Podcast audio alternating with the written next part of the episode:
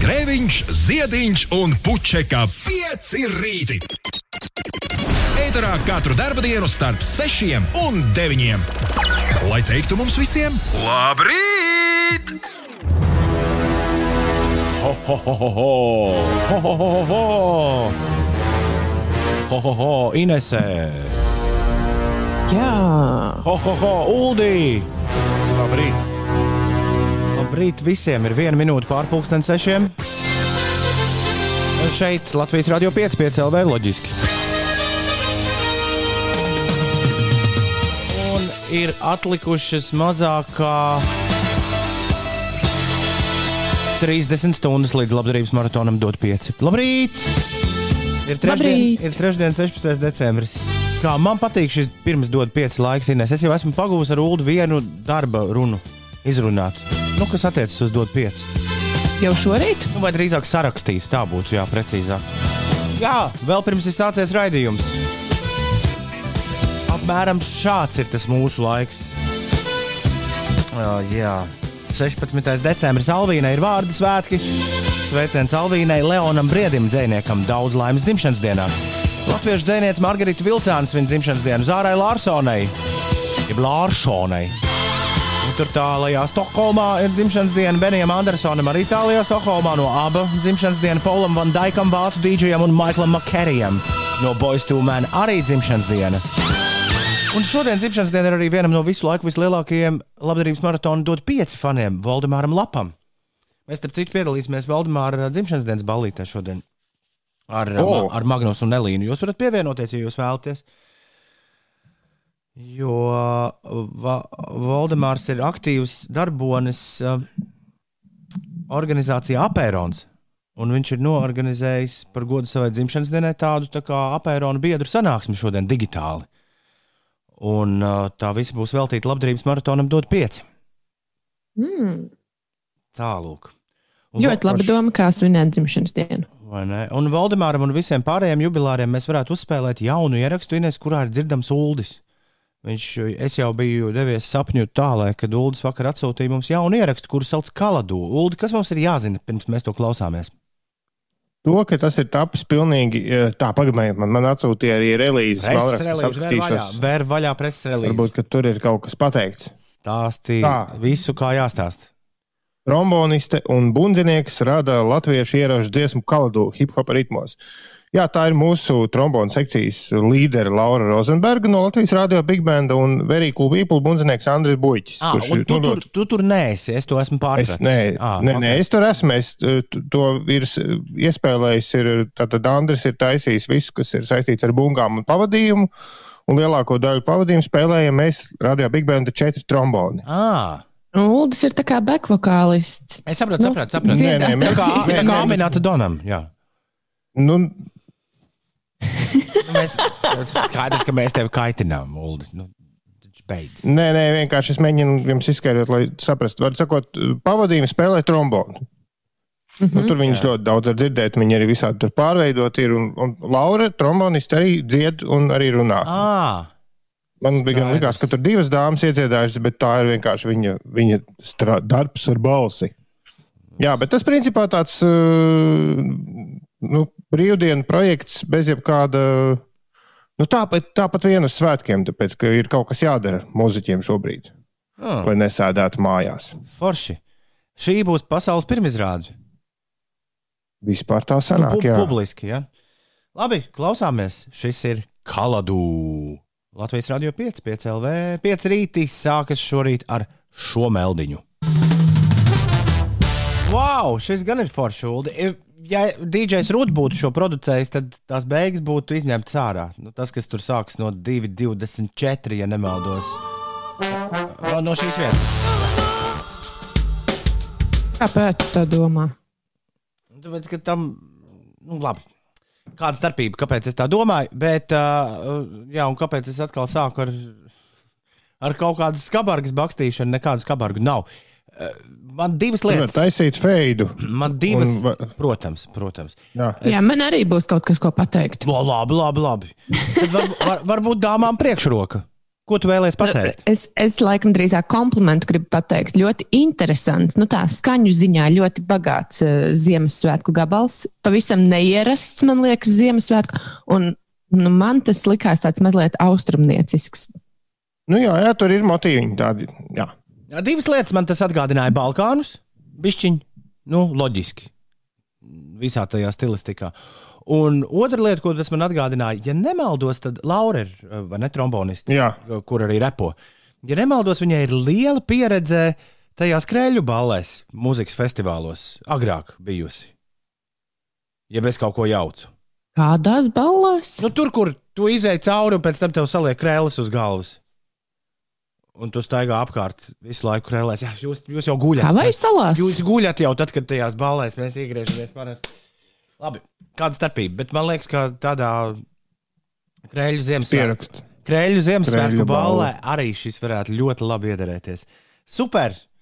Tas bija Kaladu. Kas ir oficiāli izpildītāji, kas tur ir jāraksta artistu lodziņā? Tā. Tev ir oficiālais nosaukums šim. Dažreiz Ines Mm. tā gadās, ka mūziķi nu, uztaisīja dziesmu, tad viņi uztaisīja relīzi, bet viņi aizmirst pierakstīt, nu, kas ir oficiāli izpildītāji. Nē, tās nopietni tā gadās. Bet eh, ļoti labi, ka ja tā ir arī šoreiz, ka mēs esam šo kļūdu novērsuši jau 16. decembrī pašās pirmajās stundās, lai, lai vēlākās stundās būtu visiem viss skaidrs. Tā kā labs jautājums, jo, jo man liekas, ka Rozenberga un Buļķis vai tromboni un bundzinieks nav, nav īstais Nē, nosaukums. diez vai. Bet tu, tad, kad viņi pamodīsies, paprasti viņiem, kā, viņiem, Jā. kā viņi vēlas. Sarunāts. Ir desmit minūtes pārpusdienas sešiem. Labrīt visapkārt. Šeit piecēlē. Pēdējais rīts mums visiem trijotā kopā pirms sākas labdarības maratons dod pieci. No skaņu plates Echoes, Silence, Patient, Patience and Grace. Tie bija Foo Fighters ar The Pretender, tavā rīta radio. Toma, Ulda un Ineses rīta roks skan, lai arī kur tu šobrīd atrastos. Labrīt! Un tagad Ines pastāstīs, kas notiek, vai drīzāk pastāstīs par to, cik silts tūdaļ klu- klu- kļūs ar eļļu. Jā, nu jau, nu jau tagad ir diezgan silts. Šajā rītā gaisa temperatūra Latvijā ir robežās no plus 1, plus 2 grādiem kurzemes piekrastē līdz mīnus 1, mīnus 2 grādiem valsts austrumos. Un laiks ir apmācies dūmakains vietām līņā un apladu autoceļi. Kurzemē no rietumiem tuvojas plaša lietus josla, pūš mērens dienvidu vējš un piekrastē tas brāzmās sasniedz aptuveni 12 metrus sekundē. Šajā dienā, jā, kā jau teicu, valsti no rietumu puses šķērsos plaša nokrišņu zona, lietus un atkala, vietām vidzemē un latgalē gaidāms arī sniegs. Apledojuma dēļ sliktākie braukšanas un arī iešanas apstākļi gaidāmi vidzemē un latgalē. Gaidām arī dūma, ka vietām veidosies migla, vakarā kurzemē samazināsies mākoņu daudzums, pūtīs lēns līdz mērens dienvidu puses vējš, kas sākot ar kurzemi pāries rietumu vējā un gaisa temperatūra vakarā paaugstināsies līdz 0,3 grādiem austrumu novados un līdz plus 4,7 grādiem pārējā valstī. Rīgā gaidāma lietaina diena, priekšpusdienā uz ielām un ietvēm veidosies apledojums lēnām eh, līdz mēreniem dienvidu vējam, vakarā pārējot rietumu vējā gaiss iesils līdz plus 5 grādu atzīmē. O! Un vakar mēs sākām runāt par uh, Google nedēļām, kas bija pirmdien. Izrādās arī vakardien aptuveni O! divas stundas e-pasta darbība esot bijusi traucēta. Oho! Iemesli nav minēti, kompānija atvainojās uh, Gmail lietotājiem, bet uh, jā, dīvainības tika novērstas pēc divām stundām. Klau, Alfredam, laikam, telefons atslēgts. Ja tu par Google gribēji kaut ko teikt, U- Nē, es gribēju teikt, ka tas laikam ap pusnakti esot bijis. Jā, pēc Kalifornijas laika tas bija pulksten četros pēcpusdienā, bet pēc mūsu laika tas sanāk, ir bijis ap diviem naktī. divi naktī, desmit stundas. Jā. Jā. Klau, Alfreds, uh, viņam laikam telefons ir atslēgts. Alfreds nevar īsiņas atsūtīt, bet Alfreds man regulāri raksta Facebookā. Jā, Alfreds arī šorīt ir atrakstījis, labrīt, Tom, lai jums skaists un silts dod pieci burvīgi jums maratoni. Paldies par ceļavārdiem, Alfred! Un uh, labrīt arī Justam un Kristiānam no Bauskas puses. Trīs klausītāji mums šorīt ir. Šoreiz jau neko nevaru daudz teikt, bet man ir tāda sajūta, Uldi, ka Marta būs viens no pirmajiem viesiem stikla studijā. Mums, starp citu, viņi palīdzēs arī mums šogad ar tiešraidēm Nacionālajā televīzijā. Uh, Marta un drāma 6 un 20 minūtēs ir uh, nu, pat izskanējusi. Labrīt! Ir liels prieks redzēt, ka jūs tomēr krietni vairāk pie radioaparāta nekā iepriekš. Es teicu, Dārta ir pieslēgusies, viņa brīvprātīgi ir pamodusies pirms modinātāja. Madara raksta, ka viņa arī ir ar mums un mūs dzird. Bad girl mums sūta sveicienus no miglainās Vācijas. Pirms dažām stundām bija plus 8, bet tagad ar miglu plus 3. Migla tāda, ka knapi degungalu var redzēt. Starp citu, no Gora braucieniem uz Vāciju bērnībā man arī kaut kāda vācu migla ir palikusi atmiņā, kā kaut kas ļoti teiksmains. Nu, nopietni, Inês, tur ir savādāk migla nekā pie mums. Tur kā pārbrauc robežai pāri, tā viss iebrauc miglā. Kā ir migla Vācijas kuldi? Uldis nezinu. Vai pragru tādiem vārdiņiem. Labrīt, kā vienmēr kopā ar jums jau no sešiem. Šodien, Mēbeli vai kaut kas. šodien Nē. vienā darba vietā noslēdzošā darba diena šogad, un tad ļoti ceru, ka 4. janvārī būšu atpakaļ ierindā. Raksta Daci, labrīt, Daci! Hei, jau piecīšu, lai jauka un priekpilna šī diena raksta Kristaps. Ēģe jau divas stundas ir augšā un turpina vest svētku trakumu. Lai tev izdodas. Uh, ceļi nokaisīti, variet gulēt. Tā, Jānis raksta. Viņš ir kaisījis visu nakti ceļus. Paldies, Jāni, ka tu to dari. O, tiešām nebeli. Nebel, nebel. Deutsches nebel. Uh, jā, tā ir migla vāciski. Uh, jā, paldies, bad girl. Sveiciens visiem, kas ir ar mums, ir 6 un 22. Labrīt, Rīga, labrīt, Latvija, labrīt, pasaule. Te nu mēs esam. Es esmu savā mājas šķūnī, es turpinu ļoti labi izolēties no visiem pārējiem. Uldis un Ines ar mājās. Bet jau parīt mēs satiksimies stikla studijā. Tā tikšanās gan būs caur stiklu. Jo, lai labdarības maratons dot pieci šogad noritētu, trīs dīdžejiem, kas stikla studijā strādās, neviens nevienu nelaidīs klāt. Arī mūsu samāšanās, ja kāds no jums elpojot svaigu gaisu un dodoties svaiga gaisa pastaigās, kas ir ļoti rekomendējams. Netīšām ies garām doma laukumā stikla studijai, arī jūs mums pamāsiet nevis tā kā tas parasti ir bijis, nu, tur, kur naudas lādītas stāv, bet jums būs jāiet pie mums, mums māte no doma laukuma puses, nu tā kā no malas. Jo naudas kastīte būs tajā zonā, kur Ulus un Inês dzīvos. Un ieradīsies katru darba dienas rītu starp 6 un 9 uz, uz 5 rītiem. Labrīt, es arī jūs klausos. Vai šodien varēs sagaidīt jūsu ziemas pasaku 2020? Labinieks, šodien pēdējais brīdis. Raksta kāds klausītājs, kurš ir pirmo reizi mūžā saņēmies mums atrakstīt. Un raksta tieši, tieši par šo.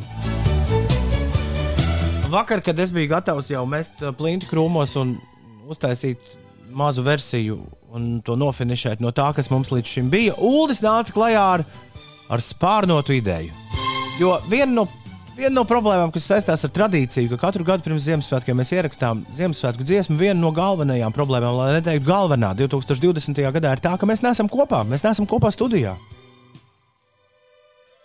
Jā, un tas rada to visu ierakstu procesu tādu, nu, nu tā it kā mēs īstu dziesmu taisītu, bet īsti arī tā kā nē, nu tā, nu tā, kaut kā. Nu, ko tad te viens mājās ķēmosies? Ēte- Pie tam to nevar darīt ēteru laikā.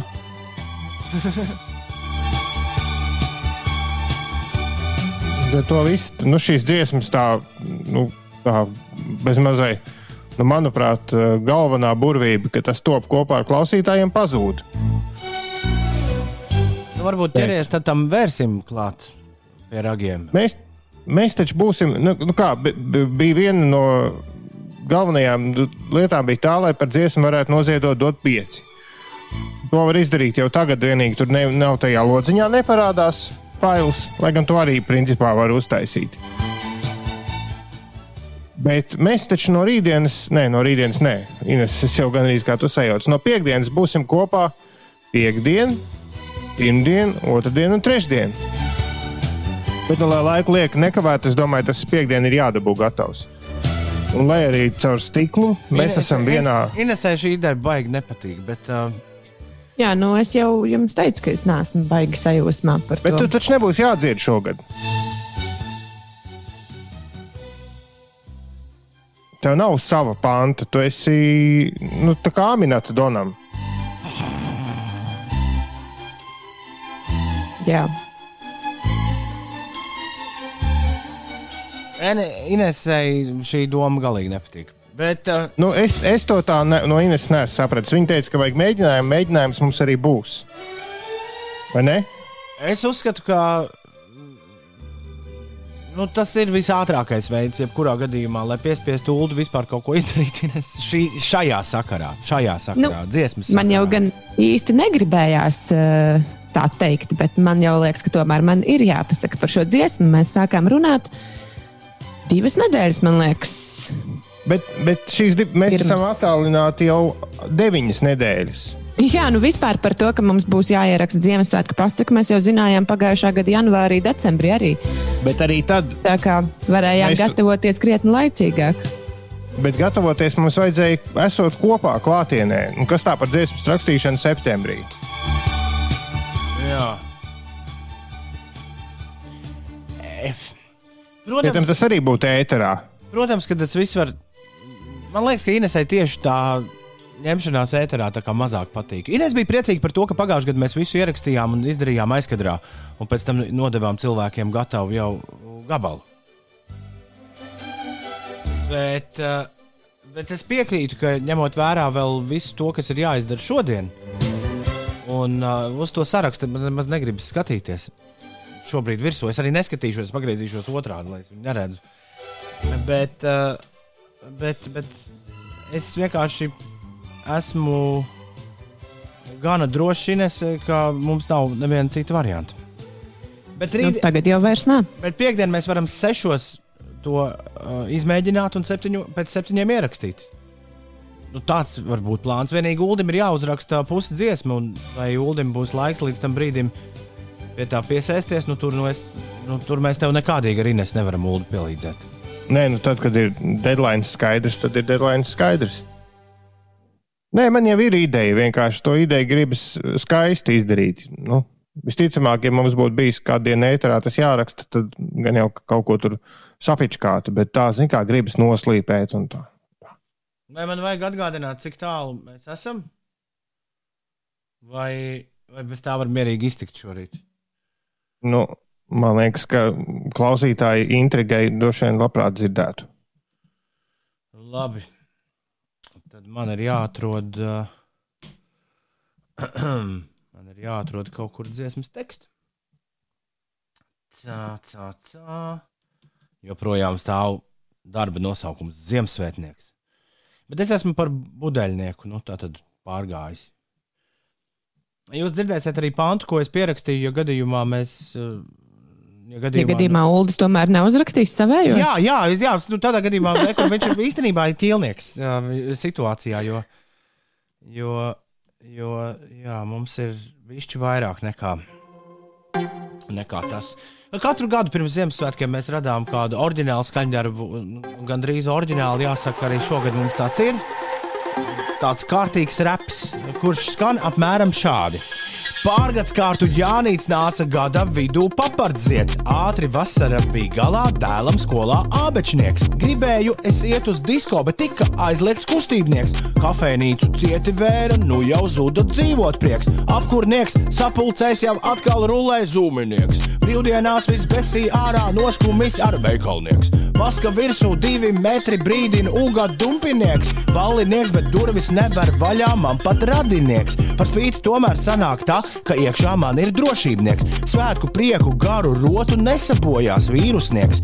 Dāvanas es visiem dalu virtuāli. Gudrinieks, eglē mantiņas es karu, rekur brīnums vecinieks. Brīvdiennieks nav šaubu nekādu, īsti es esmu budeļnieks. Budeļnieks ir tas, kam tumsā sirdī atmirts gaišumnieks. Labdarnieks jāatbalsta noteikti dot piecinieks. Ziedot prieks, satīrīts, nu gadam būs mans karminieks. Šis ir divreiz, nu jā, Tas ir budeļnieks. Budeļnieks ir tas, kas tumsā ir gaišumnieks. Labdarnieks jāatbalsta noteikti dot piecinieks. Ziedot prieks, satīrīts, nu gadam būs mans karminieks. Ulda rindas gaidīt gaidām, bet viņš mums liels aizņemtnieks. Dot pieci gadu viesus gādā un vēl jāpūš trombonieks. Mocenieks ziemā tomēr augsti brr, nosalnieks. Ziemassvētku pasaka galā nākamgad būs dubultnieks. Varbūt. Tad jau tur tikai viens pantiņš paliek. Nē, tur var būt arī nu, pilna dziesma, bet šis bija, Ah, šis bija tad, ja tu nepiedalītos Ziemassvētku pasakā, un mēs arī nesu to izpildīt divatā. šeit vēl viss nebeidzas. Ja?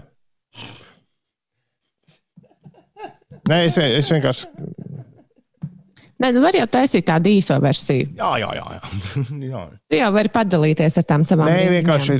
Nu, tad loģiski jautājums, jau pa, pavadījums beidzās. Es domāju, tā. Es viņu nogriezu nost, jo beidzās teksts, ko es esmu uzrakstījis. Re, kur viņš vēl tur turpina skanēt. Labi, labi, labi, labi skaidrs. Ja viņu ja nospiež play, viņš tur vēl ir daudz. Kur jau nav teikts, ka ir jābūt tik garam kā ordinālā, bet šeit vēl kāda minūte ir palikusi. Ok, tad es izlaboju buļbuļsaktu. Ir trīs panti, un piedzīvājums ir reizes divi. Es neesmu pārliecināts par to reizes divi, bet, uh, bet nu jā, kaut kā, kaut kā mēram tā. Vai mēs šo dabūsim gatavu, nu, tādā taustāmā izskatā? Tas ir jautājums, uz kuru atbildi sekos nu, pavisam noteikti ne šorīt. Un kā mēs to dabūsim Ziemassvētnīgāku? Vajag tos, tos zvārgulīšus dabūt kaut kur uz piekdienu. Jā, jā, jā. Es par to padomāšu. Es kaut ko uzmiksēšu pa virsmu jau, lai ir. Jo piekdien, nu, pēc šodienas pavisam noteikti par to nebūs laika domāt. Bet, uh, jā, Ziemassvētku, Ziemassvētku pasaka, mēs esam precīzi tikpat tālu. Es jā, bišķi saprotu, Ines, sašutu. Mēs esam tieši tikpat tālu, kā mēs bijām pirms uh, pusotras nedēļas vai kaut kā apmēram tā. Ir. Uh, ir uh, kaut kādas grūtības man ievilkt dziesmu mašīnā nākamo skaņdarbu. Ir 6,33 minūtes. Uh, Inese zelta vārdu rakstīja no ērgļiem. Tā ir ratus ziemā, ragavas vasarā. Tiešām to dziesmu mēs katru gadu gaidām. Nu, jo jau tā to zināt. Un Ulda negribēšana ir acīm redzama šai gadījumā. Tā, tā kā vajag tam laiku atrast. Nu, jā, bet Iveta, tā, tā ir tāda sausa grāmatvediska pieeja. Tas tomēr ir radošs process, kuru vajag gribēt, nevis izdarīt ķeksīšu pēc. Ja dara ķeksīšu pēc, tad labāk nedarīt vispār. Nu, kā, t- īsti mākslinieki dzīvo no iedvesmas, nevis no, no, no honorāriem vai termiņiem. Izņēmums, ir izņēmums, ir izņēmums šī grupa, kuru nākamā mums skanēs. Ozols? Nē, Nē, Rāmsteina. Rāmsteina, Rāmsteina. viņi no uguns pārtiek. Un honorāra brangā. Jā, ir pienākusi tā diena, kur ir bezmaz pa stundām visi salikti. Un uh, mani kaut kas ines beidz nost. Bet uh, tu esi man iemācījusi, ka ir ar to jāsadzīvo. Un kad dienas beigās to jau nu, pats tā kā esmu apgūlis, būs viss vēl lielākā kārtībā nekā būtu savādāk. Bet uh, mans treneris ir nolēmis Ines man nobeigt pirms labdarības maratona dot 5. Nu, es, es tavā vietā tā neteiktu. Es domāju, ka viņš drīzāk rūpējas par tevi. Viņš ir, viņš ir tiešām viņš ir viens no tiem cilvēkiem, kurš nekad neko nebija dzirdējis par dot 5. Uh, viņam ļoti interesanti šķita gan mūsu dzīvošana tur uz vietas, gan, gan uh, kokteļu padarīšana, gan uh, viss pārējais. Viņš uzdeva tieši tos pašus jautājumus, kurus katru gadu uzdod tie paši. O, kāpēc jūs nebraucat mājās, kāpēc jūs ēdat? Uh, dzerat tikai kokteļus. Kā nu mācādams, tā es viņam uz šo jautājumu atbildēju. Uh, Un patiesībā, jā, ar viņu, ar, ar sporta cilvēkiem ļoti ātri var tikt ar visu šo galā. Jo ir jāatbild tikai viens teikums, un teikums ir šāds: tādi ir noteikumi. Nu kā, nu, Jā. sporta disciplīna arī ir noteikumi. Nu, tādi, Jā. šajā maratonā tādi ir noteikumi. Tu dzīvo uz vietas, tu neej ārā no studijas, un tu pārtiec no, uh, no kokteilīšiem. Un tā tas vienkārši ir. Bet jā, viņam bija, viņš bija ļoti apņēmības pilns ielikt šo te noskrēju to celiņu iekšā mums stikla studijā. Tad es viņam stāstīju, ka tas ir vienreiz jau mēģināts. Atcerieties, Ulu, vienā no pirmajiem dot pieci bija tāda doma, tādu ielikt. Tad mūsu vecākais Jā. inženieris skaļi, un, un, uh, skaļi izlamājās, ka tas taisīs tādu troksni, ka neviens nevarēs pastrādāt. Un tā arī doma par treadmillu iekšā. Uh, Es stikla domāju, ka tu tur vien nevarēsi ienest. Nē, skaļi, bais, baismīgs baigais, stulbs. baigais skaļums priekš rādio. Mēs tur rādio nu, taisām. Tom, kā mēs eh, pagājušajā pavasarī pārliecinājāmies, ka cilvēki maratonu ir noskrējuši uz balkona. Tev ir visas iespējas par to savu mazo telpiņu. Ja, ja pēkšņi notiks, notiks kaut kas, kādēļ mēs varēsim to stiklu pa vidu aizvākt, un tas var notikt tikai gadījumā, ja pēkšņi pie mums neviens vairs nevarēs nākt ciemos, ieskaitot jūs abus divus. Tad es, tā bija pirmā lieta, ko es vakar teicu Magnusam, ko es darīšu. Un es to varu pateikt arī vēlreiz. Es ar lielāko prieku noskriešu maratonu stikla studijā. Bet, uh, Jā, bet, nu. bet, ja nopietni, tad jā, vakar bija, vakar bija kārtējā diena, kad tu skrieni un tu domā, kāpēc, kāpēc, kāpēc, kāpēc man tas sev ir jānodara. Kāpēc jāskrien? Un tāds vējš un, un augstums. Un, ā! Pagājušajā ziemā skriet bija daudz, daudz ērtāk. Jā, jāsaka tā. Un šodien, jā, lai būtu viss tā forši, tāds foršs noslēgums, jo uz sešām dienām es tieku izņemts ārā no treniņa programmas, tad uh, treneris kungs ir izdomājis, ka man lēnā tempā jānotipina 12 km. Dienā, kad visiem no manis uh, kaut ko vajadzēs ik pa 15 minūtēm. Nu, vienīgais, es tev varu ie- ieteikt, es vakardien gāju, mūsu, mums bija tāda drošības sapulce, un man bija vēl jāaiziet pēc plates, un, un uh, tur bija uh, jāļauj ieliet man ausīs uh, kaut kādu lipīgu vielu, bet par to varbūt vēlāk pastāstīsim. Vai sakot, man bija jāizmet tās riņķis pa pilsētu, un atnākot mājās, secināju, ka ir noiet 8,5 km. Tā kā lēnām tipinot, varbūt tu arī vari nu, visādās sapulcēs piedalīties. Un runāt, droši vien skrienot Ne, grūti. Tas jau nu, tad, nē, nu, to es esmu iepraktizējis. Savādāk, savādāk es nevarētu eksistēt. Arī, arī vakardienas skrējienā man pavadīja televīzijas ļaudis tur par kaut kādiem logo plāpājot. Bet, Vai ir kaut kas konkrēts, kam jūs gatavojaties? Es, es, man bija likās, ka viens no tiem treniņu deadlineiem ir tas 18. novembra pusmaratons. Ines Kas ir nākamais? Uldi paskaidros, Uldim, kāpēc cilvēki turpina trenēties. Arī Nē, nē, bet tam- nu, ne, nu, trenēties, jā, bet treneris tev kaut kam gatavo. Es tā saprotu, ja ir programma. Es vai, vai gribētu Ines skaidrojumu dzirdēt šim? Uh, kāpēc tu turpini Jā. skriet, tad, kad tu esi noskrējis Jā. jau pusmaratonu un Jā. maratonu? Jā, jā. Nē, ka, kam tevi gatavo treneris? Tāds ir jautājums. Nākamajiem izaicinājumiem. Tieši Un tā. kādi tie ir? Nu, kādus gribēsies? Okay. Nu, apmēram, Ulu, kāpēc tu turpini spēlēt tromboni, ja viens koncerts jau tev ir bijis? Nu, apmēram, jā. Nu, jā, nākamais koncerts. Nevar būt. Nevar būt. Ir 6,42 minūtes pareizais laiks. Ines, pastāsti, kas notiek. Jā, bez laika apstākļiem eh, Covid-19 izplatības ierobežošanai ministru kabinets eh, vienojies par stingrākiem epidemioloģiskās drošības pasākumiem no 21. decembra, bet gala lēmums tiks pieņemts eh, rīt. Vakar tur sociālajos tīklos visādas muļķības klejoja apkārt. Tātad rīt pieņems gala lēmumu. Ministru prezidents Krišjānis Kariņš stāstīja, ka jā, šie ierobežojumi sāksies, stāsies spēkā 21. decembrī, būs spēkā trīs nedēļas, un pēc Kariņa teiktā ierobežojumi neskars pārvietošanās brīvību. Vienlaikus valdība lems par skolēnu ziemas brīvlaika pagarināšanu par vienu nedēļu. Tāpat eh, sagatavot īpaši ieteikumi, kā ģimenēm Ziemassvētkus pavadīt pēc iespējas drošāk. Par eh, situāciju uz autoceļiem. Jā, šodien ir gaidāma lietaina diena, un dažviet eh, lietus būs eh, tāds sasalstošs, un gan ietves, gan ielas aplados. Par situāciju uz autoceļiem šobrīd ir jārēķinās ar to, ka apladojums apgrūtina braukšanu Dobelas un Jelgavas apkaimē. Tas pa tādiem reģionāliem autoceļiem - Madonas, Gūbenes, Alūksnes.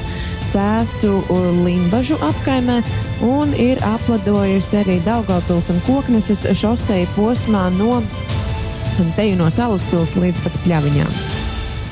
Par to noteikti bija jārunā vēlāk, bet uh, Ines tu mums reiz pieķērās klāt. Tas, kas vakar notika internetā uh, ar uh, dezinformāciju par to, ko nu tagad valdība pieņems un no kāda datuma pieņems, tas, tas man, man tas atgādināja kaut kādu organizē, organizētu idiotu rīcību. Jā, nu citādi man liekas, to nosaukt nemaz nevar. Un, Nu, bija vēl kaut Fantastiski kaut kāda iespēja, pēc visu, ko mēs esam piedzīvojuši, vakar bija fantastiski iespēja pārliecināties par to, cik joprojām ļoti daudzi ļaudis vispār neko nesaprot par mediju pratību. Nu, jā, bet cilvēki ir nobijušies un satraukti. Ik reiz, kad mēs nobīstamies un esam satraukti pēdējā gada laikā, tad vienmēr tas, ko kāds ir mēģinājis, ir vienmēr kaut kādi ierobežojumi vai, vai jauni likumi ir bijuši daudz maigāki nekā tas ir vispirms izpūsts. Nu, jā, es, pa, es pat pieļauju, ka tas mm, ka tie screenshoti, kas vakar klejoja, ka tiem ir kaut kāds patiesības grauds apakšā, bet mm, Whatsappā klejoja arī visādi audio, kur tur Jā, jā, jā. jā. no, no ticamiem avotiem, un no medmāsiņām, vai no doktorītēm, un, un kas tur, un, un, un, un beigās vēl tā piekod. Man, man arī atsūtīja, un tur viss bija uztaisīts tik smalki, vēl beigās ir pat pieminēts, nu, nu tad, lai viss jauki, nu, padod tālāk. Jā, jā, jā, lai visi to dzird. Man liekas, ka tiem cilvēkiem ir tāda ļoti garlaicīga vai nepiepildīta dzīve. Nu, viņiem nav tā iespēja Jā, nav ā, Ines, katru- darīt kaut ko citu, citu labā. Tad viņi sēž pie datora un photoshopē visādus rakstus un Jā, Ines, nevar būt. ziņas. Nevar būt. Viņi nav katru rītu no 6 līdz 9 nacionālās apraides radio ēterā, kur var pateikt, Man visu, liekas, tā tāda ļoti nu, cūcīga rīcība. Nē, bet saprotu, tie mm, avoti jau bija tikai daži uz vienas rokas pirkstiem saskaitām. Tas, ka tie tika pārsūtīti desmitiem tūkstošu reižu, tur jau ir tā problēma. Jā. Kāds varbūt pat uztaisīja kā joku, bet Ne, tas- šādi tas joki brīdī, kad cilvēki ir nobijušies. Tas stulbākais ir tas, ka šobrīd arī mūs dzird kāds cilvēks, kurš domā, ka ho, viņš šobrīd klausās un domā, kā, oi, tā nav patiesība, kas tur staigāja apkārt.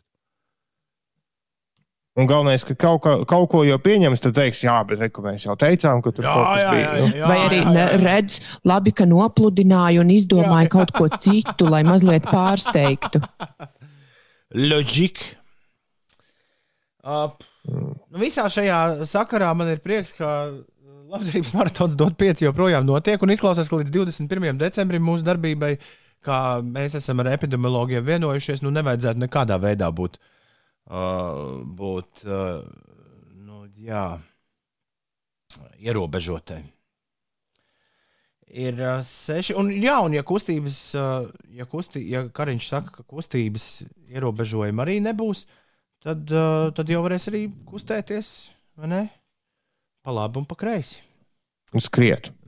Tas gan. Tas gan. Tā ir uh, 6,47. Tagad būs Laika mašīnā. Ir 16. decembris 2020. gads, trešdiena, un mēs dodamies pa laika upi uz, uh, uz kuru gadu? Ha, to, to, jūs man pateiksiet. Uz gadu, kad Lauris Reiniks ir nolēmis padziedāt svētku meldiņu.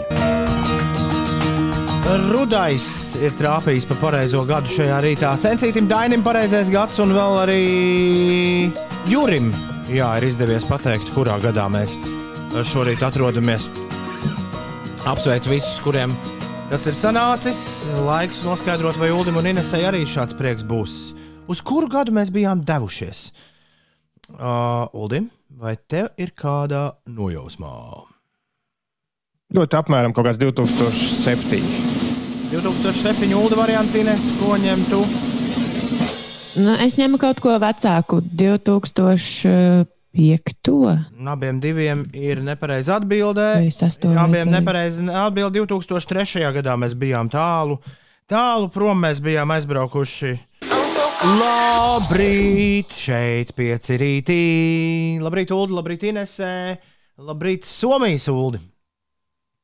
Somijas Ulas raksta, labrīt no Somijas. Katru rītu celties četros no rīta ir diezgan grūti, taču šorīt ieraugot ļoti skaistu sniega segu un snikšanu ar ļoti lielām pārslām, uzreiz prieks acīs un pamosties ar uzreiz var. Visiem foršu dienu, un lai izdevies maratons vēl sešas dienas, un būšu mājās. Paskat, ka forši Somijas uldim sanāks klausīties labdarības maratonu dod pieci, braucot mājās. Jautājums, ko daudz uzdod un, un uz kuru jāatbild, ir, uz kuru ir jāatbild eh, regulāri. Uldis un Ines eh, piebiedrosies man darba dienu rītos, un mēs eh, kaut nedaudz arī cauri labdarības melodijām un labdarības runām arī maratona dod pieci laikā šo to šādu tādu, jā, vārdu pārmīsim. Un gal galā jūsu uzdevums ab abiem diviem ir nemainīgs jau kuru gadu dot pieci maratonā. Jūs esat vienīgie, kas var pastāstīt, kā ir tur ārā. Parasti gan Uldis saka, ka, man liekas, tad, kad es viņam jautāju šo jautājumu, parasti Uldis atbild, ka e, tur nav ko redzēt. Še, šeit, šeit daudz labāk viss iekšā. Bet... Nevarētu teikt, ka šajā laikā mēs tā staigājam pa ielām un pētām, kas notiek. Tāpat jau ir daudz darāmā. Taisnība, taisnība. Jums, jums ir daudz, daudz kas jāsadara. Bet nav tā, ka ar katru gadu paliek vieglāk. Nu, es domāju, tieši organizā, organizācijas ziņā. Nu, kaut kādā ziņā ir jā. Šogad mums ir nācis tālāk, lai cik tas stulbi neizklausītos vīrusu un ierobežojumi ar to, ka principā jebkurš viesis, kuru vien mēs vēlamies dabūt, ir dabūjams bez maz vai jebkurā minūtē un jebkurā stundā, kad vien mums tas ienāk prātā. Bet, uh, Jā, tā schēmošana ar laikiem ir stipri mazāka šogad. Uh -huh. Tā kā tā, bet redzēs, redzēs atkal, cik pēdējā brīdī paziņos, ka oh, man ir kaut kāds krekšķis uznācis. Maigais krekšķis. Es laikam nevarēšu ierasties. Šis būs pārsteigumiem pilns labdarības maratons. Dod 5, bet, kā jau vienmēr esmu teicis, būs visi. Tas nav, tas nav mainījies. Jā. Tieši saistē, netieši saistē, uz vietas doma laukumā vai, vai zūmā, bet visi piedalīsies un visi būs labdarības maratonā. Dod 5. Pavisam noteikti. Ir 9 minūtes pārpusdienas septiņiem. Labrīt! Ir trešdiena, 16. decembris, ir 2020. gads, skan Latvijas radio 5,5 LV.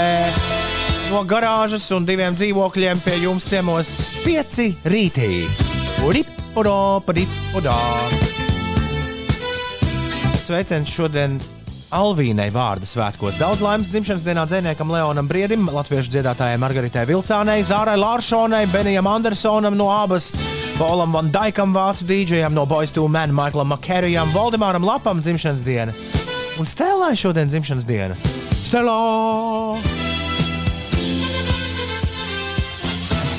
Klausies, abai taču bija jānāk jaunām dziesmām ārā. Neko, ne? Neatceros neko tādu. Šogad. Acīm, Viņi... acīm redzot, tas tev tā dikti svarīgi. Nē, nē, vienkārši aba, abas. Nu, nav jau daudz tādu supergrupas no tiem seniem laikiem, kas var apvienoties. Abi solīja jaunas dziesmas šogad, bet tomēr pārcelt uz nākamo gadu. Mm. Ko darīs visi tie, kuri pārcēlīja? Tad sapratīs, ka man, vēl īsti nav laiks. Pārcels vēl pa gadu. Jā, nu, jā. ir retor, retorisks jautājums.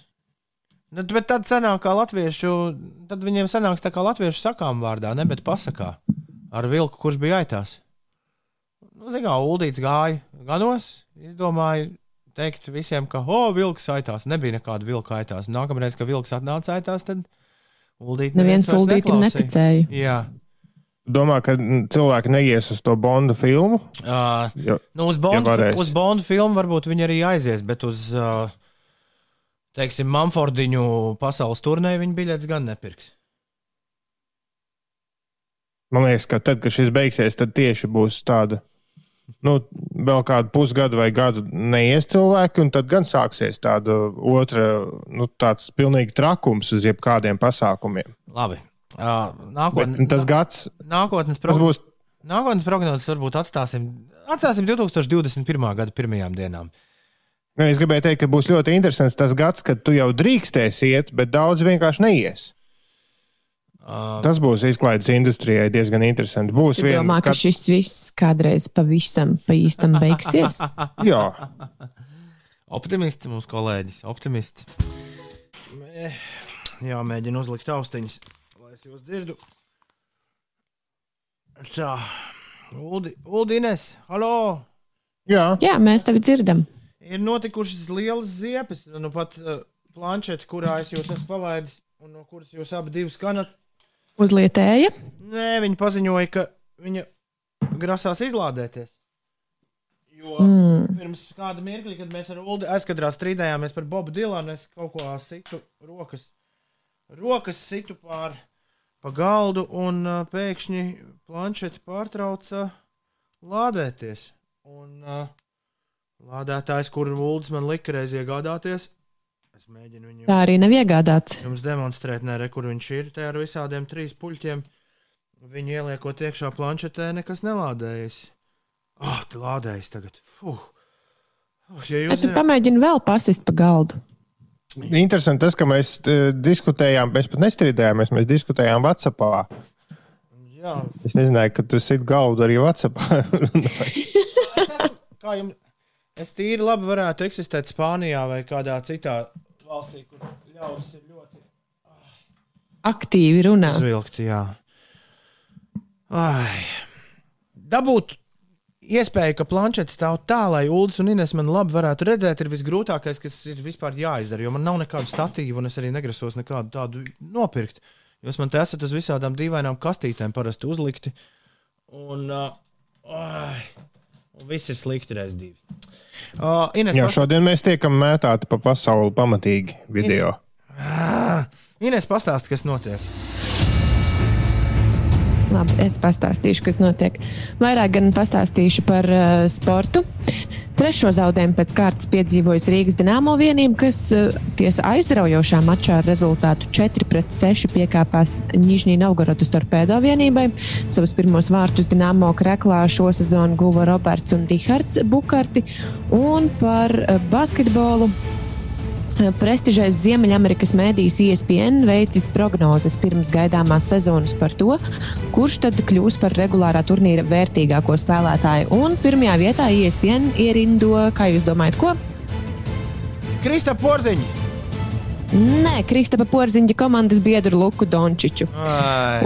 Otrā pozīcija ir atvēlēta Losandželosas Lakers zvaigznei Lebronam Džeimsam, eh, tikmēr iepriekšējās sezonas MVP Jā, Jānis Adeta Kombu no Milwaukee Bucks noslēdz Jānis? pirmo trīnieku. Jānis, jā. Jānis.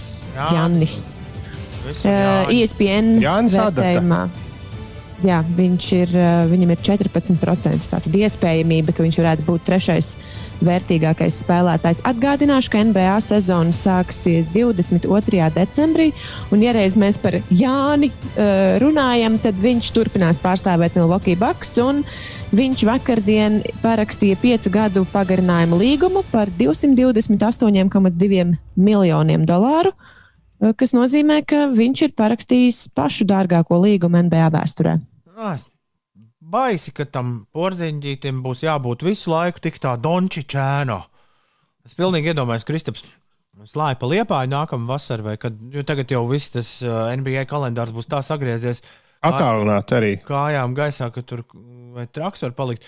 Uh, Iedomājieties, Kristaps slāja kādā dienā pa liepāju nāk klāt viņam uh, kundzīti senioru un saka, oi, Kristapiņ, Kristapiņ, man, jūs jau daudz labāk par to dončiču spēlējat, bet, nu, žē- žē- Es domāju, ka nāk, Žēl gan, ka nāk jums ir viņa ēnā. ēnā un jāpaliek. saka, Kristap, aizved rekur vilnas zeķītes savam komandas biedram.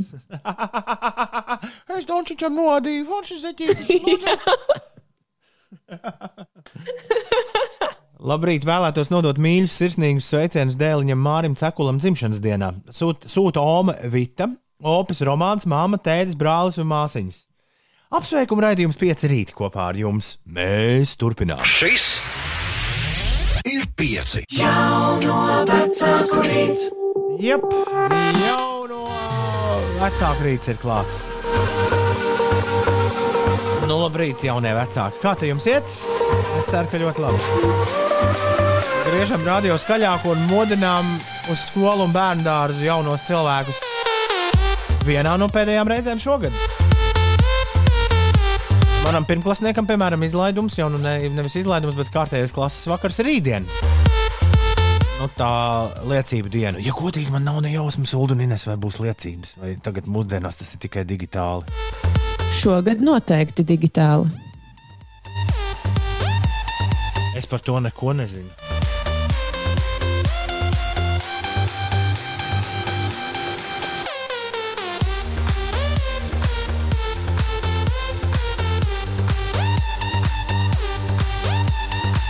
Un e, ir gandrīz neiespējami tikt galā ar uh, jauno vecāku rītu, jo es nu pat nosacināju, ka jūs joprojām man nelādējaties.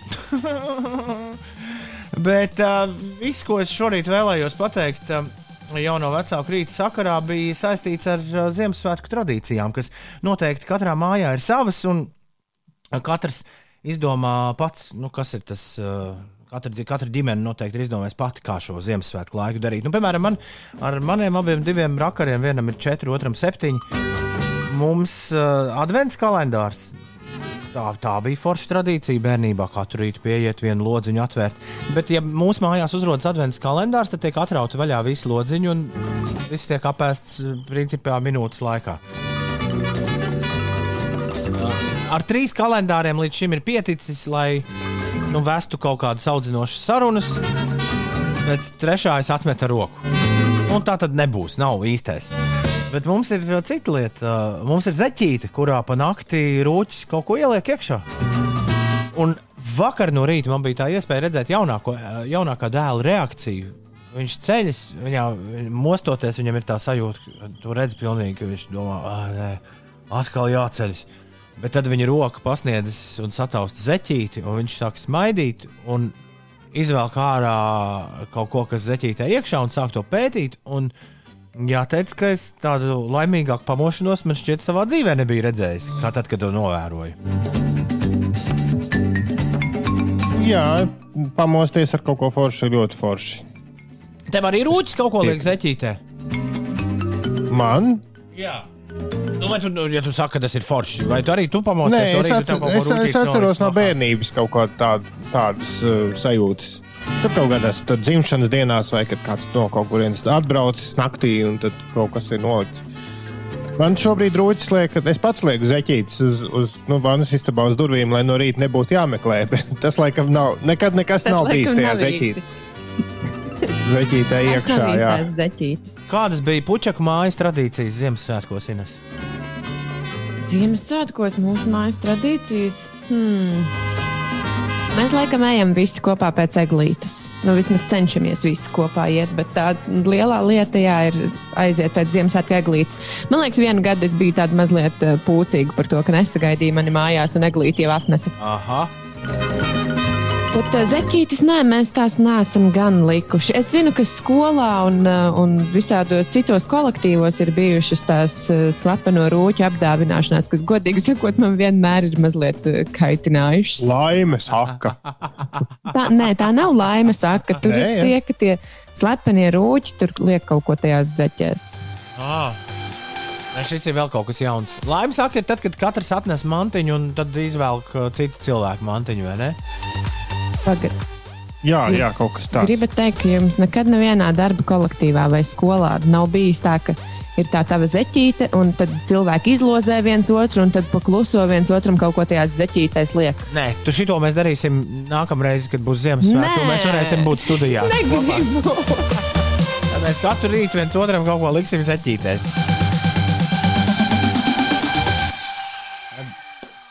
Laikam lādē. Nu, neko nesaprotu. Laikam tomēr lādēšanas zīme ir parādījusies. Ziniet, kā agres, ja ir agres rīts un tehnika sāk niķoties, tas ir viss stulbākais, kas var būt. Jo tev pēkšņi ir jākļūst ne tikai par rīta raidījumu vadītāju, bet arī, dzen, arī dzen par, par inženieri savā mājas studijā. Ines? Jā, es gribēju mazliet paturpināt par to, ko tu par tām liecībām teici. Nu, nu. Uh, Valsts izglītības un satura centrs nu, jau pirms kāda laiciņa pateica, ka liecības ir jāizsniedz uh, attālināti, jeb uh, digitāli. Tajā skolvadības sistēmā, jeb šo e-klasē. E-klasē, ja? Nu, jā, protams, kaut kādos īpašos, īpašos gadījumos pēc pieprasījuma var izsniegt liecību arī papīra formātā, bet nu, viss būs digitāli. Ir uh, trešdiena. Ir taču trešdiena, vai ne? Viss kārtībā. Ir trešdiena, 16. decembris, diena pirms labdarības maratona dod pieci. Un kā katru trešdienu šajā laikā, Top 10. top 10 laiks ir pienācis tavā rītrādio. Trešdienās mēs stādām top 10, un šorīt parunāsim par Ziemassvētku dāvaniņām. Vai ne?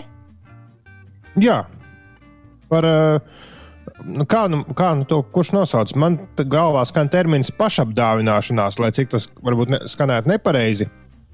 Pašapdāvināšana. Es atceros, mums skolā pa laikam bija tāds pasākums, ka tev, nu, līdzīgi kā Inês stāstīja, vai nu tu vienkārši ieliec dāvaniņu tajā čupā, un tad visi tur kaut kā izlozē un ņem numuriņus. Un, un e, Tas īstenībā bija ļoti aizraujošs process. Tu izvelc numuriņu, un tad ej skatīties, kas tur zem eglītes ar to numuriņu stāv.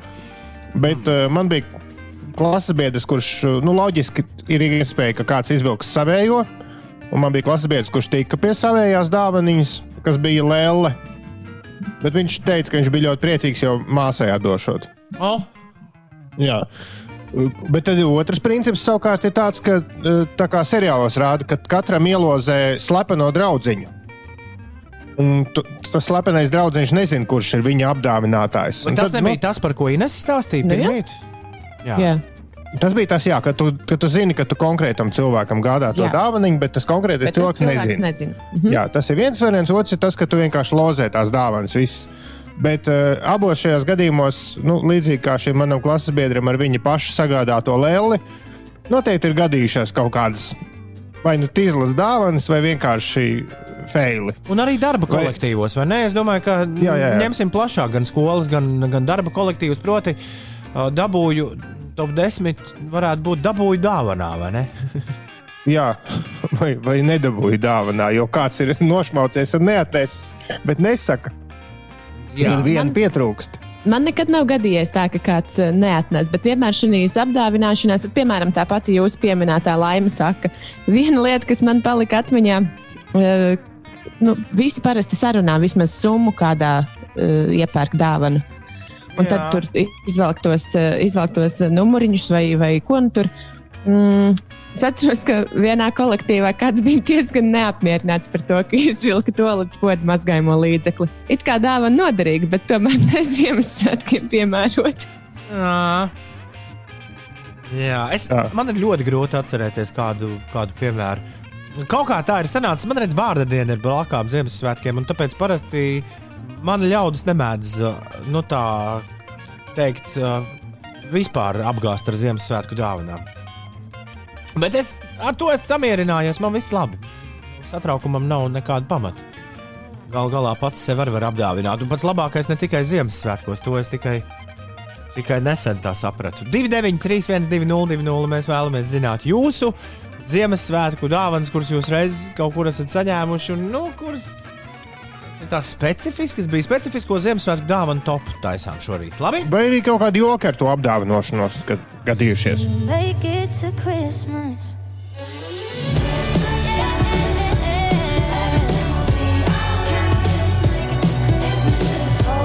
Es gan klausījos pauses galam, bet uh, šī dziesma izklausās kā nu, tāds mēģinājums pārim sarunāt, ka jā, nu, gads ir bijis traks. Kaut kā izskatās, ka mums te viss jūg un brūk, bet varbūt vismaz līdz Ziemassvētkiem varam aizvilkt. Nu, lai tie nav vientuļi. Ļoti iespējams, ka šī dziesma par kaut ko pavisam, pavisam citu. Alesija Kāra ir uh, kanādiešu dziesminiece. Make it to Christmas ir viens no jaunajiem Ziemassvētku gabaliem, kas rotē apkārt visai pasaulē uh, šogad. Un noteikti Ziemassvētku vecītis to iekļaus savā playlistē 24. decembra naktī, kad viņš ar kaut kādiem lāzeriem šaus dāvanas pa mājām, jo nu, uz vietas jau klātienē ierasties viņam būs liekts, ņemot vērā visus noteikumus un ierobežojumus. 7,43. Labrīt, Inēs! Kas notiek? Labrīt! Mazliet par satiksmi. Mums eh, pāris klausītāji jau ir atrakstījuši ziņu, ka uz A7 sākot no dzērmu pagrieziena ķekavas virzienā ir aptuveni 2 km garš sastrēgums. Tur ir notikusi avārija. Pavadāmais laiks ir apmēram 20 minūtes. Tā mums eh, Vīgants ir rakstījis. Tā kā tur droši vien būs eh, krietni apgrūtināta braukšana tajā posmā. Vēl uz A7 braucot iekšā Rīgā posmā Kroksils baložu pagrieziens, tur ar 9 minūtēm jārēķinās. Kruspils ielā pavadīsiet 6 minūtes, un citās ierastajās sastrēguma vietās gan izskatās, ka viss ir diezgan mierīgi. Par situāciju citviet valstī saistībā ar apladojumu uz autoceļiem izskatās, ka šobrīd apgrūtināta braukšanas apstākļi vairāk ir uz reģionāliem autoceļiem Jelgavas, Dobeles, Madonas, Gulbenes. Limbažu un Valmieras apkārtnē, bet uz valsts siltības autoceļiem tā ir Daugopils šoseja un Tīnūži poknes šoseja, kur vietām var būt apgrūtināti braukšanas apstākļi. Vēl par laikapstākļiem šodien.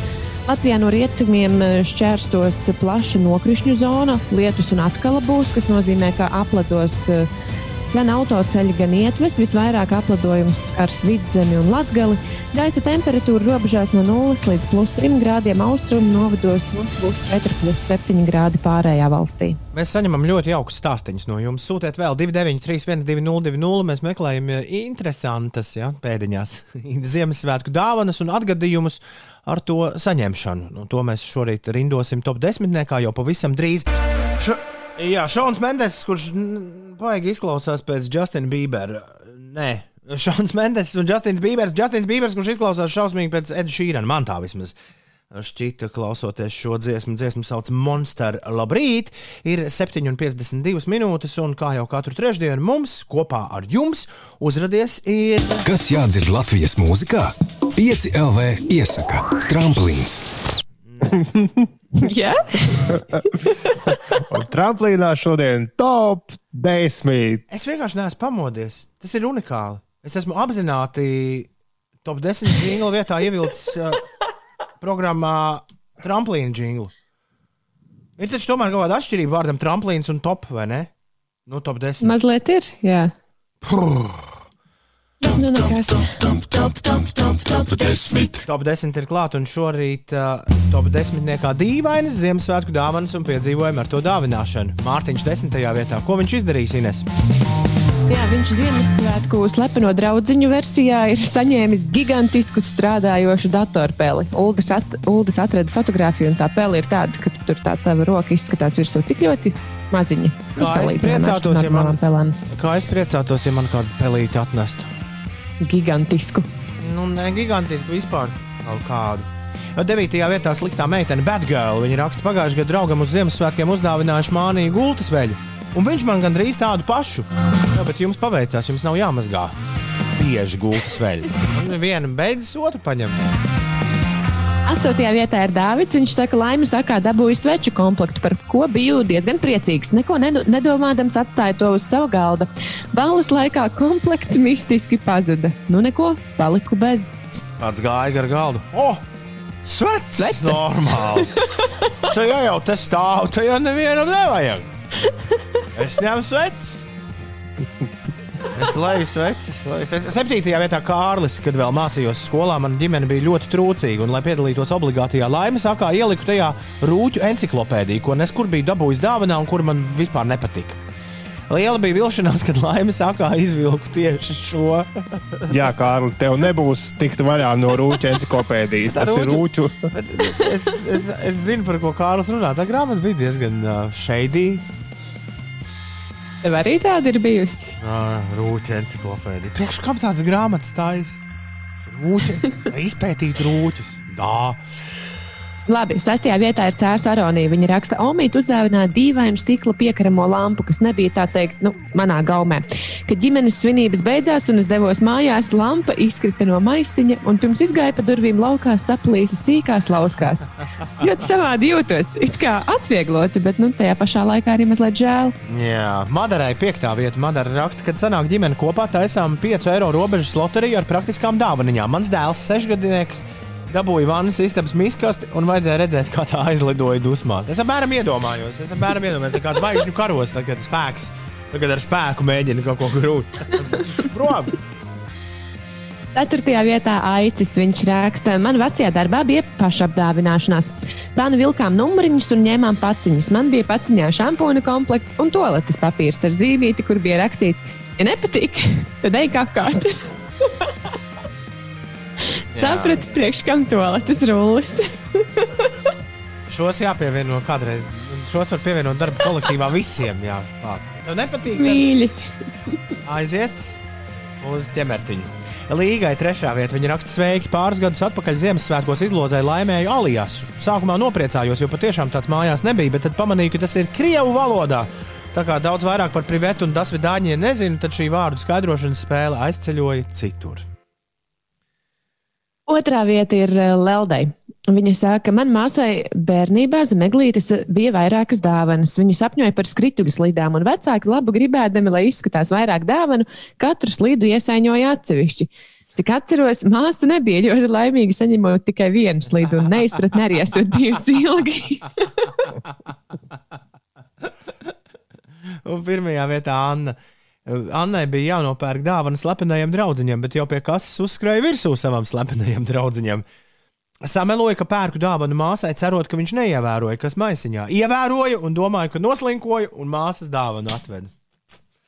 Šitā. Ai. Jā, man jums ir starp citu laba ziņa, Tom, un uh, kā bija Kārlis. Rūķa encyklopēdija pirms diviem gadiem ir piedzīvojusi atkārtot izdevumu. Es ļoti ceru, ka tā ieradīsies mūsu mājās šogad. Murkšķis ir dabūjis bonus punktus. Um, Netika iekšā desmitniekā, bet mēs viņu liekam bonusā, jo viņam ir laba ideja. Viņš raksta, mums ģimenē pēdējos gados ir sūd, šmūdiņa dāvana izloze. Visi sanes kādu nelietotu putekļu krājošu mantu, un katrs paņem vienu, nezinot, kas slēpjas aiz iepakojuma. Dažreiz gadās kāda grāmata par VF basketbolu komplektā ar salauztu peli, saldumi vai kāds strunts no Šmalija ekspresa. Ļoti jautri un nav jātērējas, jo galvenais, draugi mīļie, taču ir dāvināšanas prieks. Vai tad ne tā? Top 10! Tāds mums lūk šajā rītā top 10. Paldies visiem, kas piedalījās. Jā. Šo īstenībā var katru gadu taisīt. Man liekas, ka būs Ar pagājušā gada dāvanām. Jā, lai labas dāvanas jums šogad, un lai labi piedzīvojumi ar tām. Ir uh, 9 minūtes pāri pulksten astoņiem. Cēlies, cēlies! Vēlies, vēlies! Pats nedēļas vidus trešdienā. Ei! Run, run, run, run! Šeit Latvijas Rādio 5, 5 LV, 5 rītī kopā ar jums. Alvīnai šodien ir vārda diena. Čau, Alvīna! Leonam Briedim dzēniekam daudz laimes vēlam. Latviešu dziedātājai Margaritai Vilcēnai arī dzimšanas diena. Apaļa pie tam, tik apaļa. Ui. Zārai Lāršonai šodien 21. Zviedru dziesminiecei, Zviedru mūziķim no grupas ABA, vienam, svarīg, vienam no svarīgākajiem vīriem, Benijam Andersonam, daudz laimes. Polam un Daikam, vācu dīdžejam, daudz laimes, Maikam Makerijam no Boys to Man un mūsu draugiem Valdemāram Lapam un Piena Stelai. Daudz laimes dzimšanas dienā! Lai viss pa pirmo! Ja mēs kādu aizmirsām apsveikt, padod ziņu 293, 1202, 293, 1202.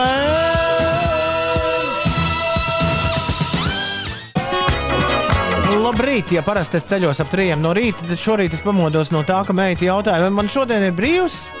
Tas bija 6 un 1 minūtē. Es dienu kavēju par apmēram 2 stundām. Mārtiņ, tas nesenāk regulāri. Man liekas, ka ja mēs celtos tik agri, tad tas būtu regulāri. We're here tonight. Oh, that's enough. We're simply having a wonderful Christmas time. Man pēc tam šķiet, ka Mārcis vienreiz mums rakstīja, ka viņš arī gulēt iet super vēlu. Viņam uh, tāds super rezi, režīmiņš. Time. Māri, lai viss izdodas tā ātri, cak, cak, cak, cak, cak. Un paldies visiem, kas mums atrakstīja par to, ka 1. februārī šogad Leons Briedis ir devies viņa saulē. Tādu šoreiz bija neraksturīgi daudz. Ilds izdarīja to liktenīgo darbību. Paņēma, paņēma zīmoli un jā, jubilāru blociņā izstrīpoja vēl kādu vārdu. Bet tad nevajag nodoties, nekādā gadījumā nevajag nodoties skumjām šajā rītā. Nē, uh, tas nevienam, nevienam neko nedos. Ir Tīpaši vēl Leonam Briedim. pavisam noteikti. The Avalanches un Parijs Farrells Oh, the Sun tavā rīta radio.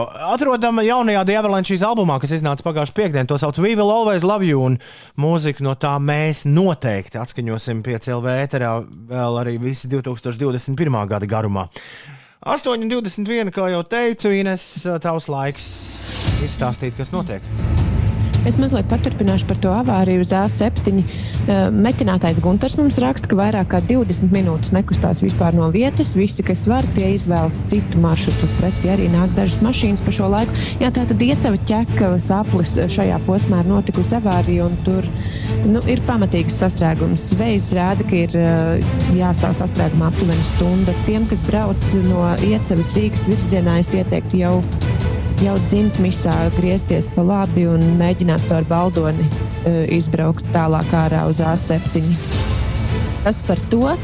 Uh, par, par citām valstīm un par ierobežojumiem. Daudz cerības, ka Ziemassvētku periodā vairākās Eiropas valstīs tiks minēti Covid-19 ierobežojumi, būs uh, viena no tiem Ziemassvētkiem, Ziemassvētku sapņiem, ka nu, šīs cerības tomēr nepiepildīsies. Pieaugot saslimušo skaitam un pildoties slimnīcām, no šodienas visus veikalus, kas nepārdod pārtiku, un arī skolas slēdz Vācija.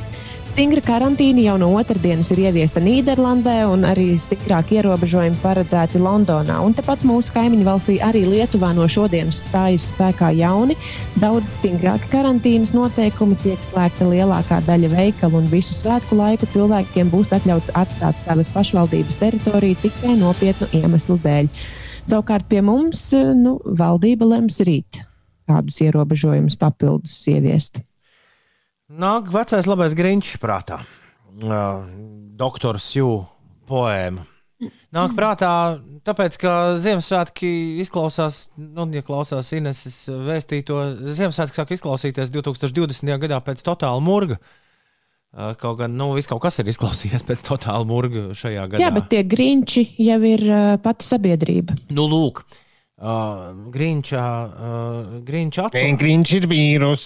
Grīņča atslēga tak bija tā, ka kasīšu tā meitiņa saprata, ka Ziemassvētki tak nav, nav par spožām eglēm, pārpildītiem jā, tur, tirdzniecības centriem vai graznām slidotavām.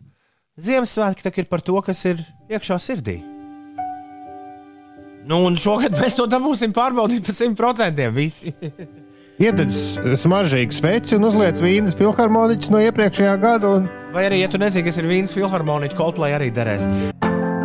Jā, ceļojums pretī šī gada labdarības maratonam dod 5 ir gandrīz noslēdzies. Un, uh, nu, kas tad nu vairs atlicis? Jāsāk pakot mantas, un rīt no rīta jau šajā laikā lēnām tipināšu stikla studijas virzienā. Taču šorīt, mirkli pirms iestājas šī gada labdarības aura un uh, pirms sāk darboties, kā es to dažreiz mēdzu saukt, uh, vienīgais labdarības radio, kāds, kāds vien ir iespējams.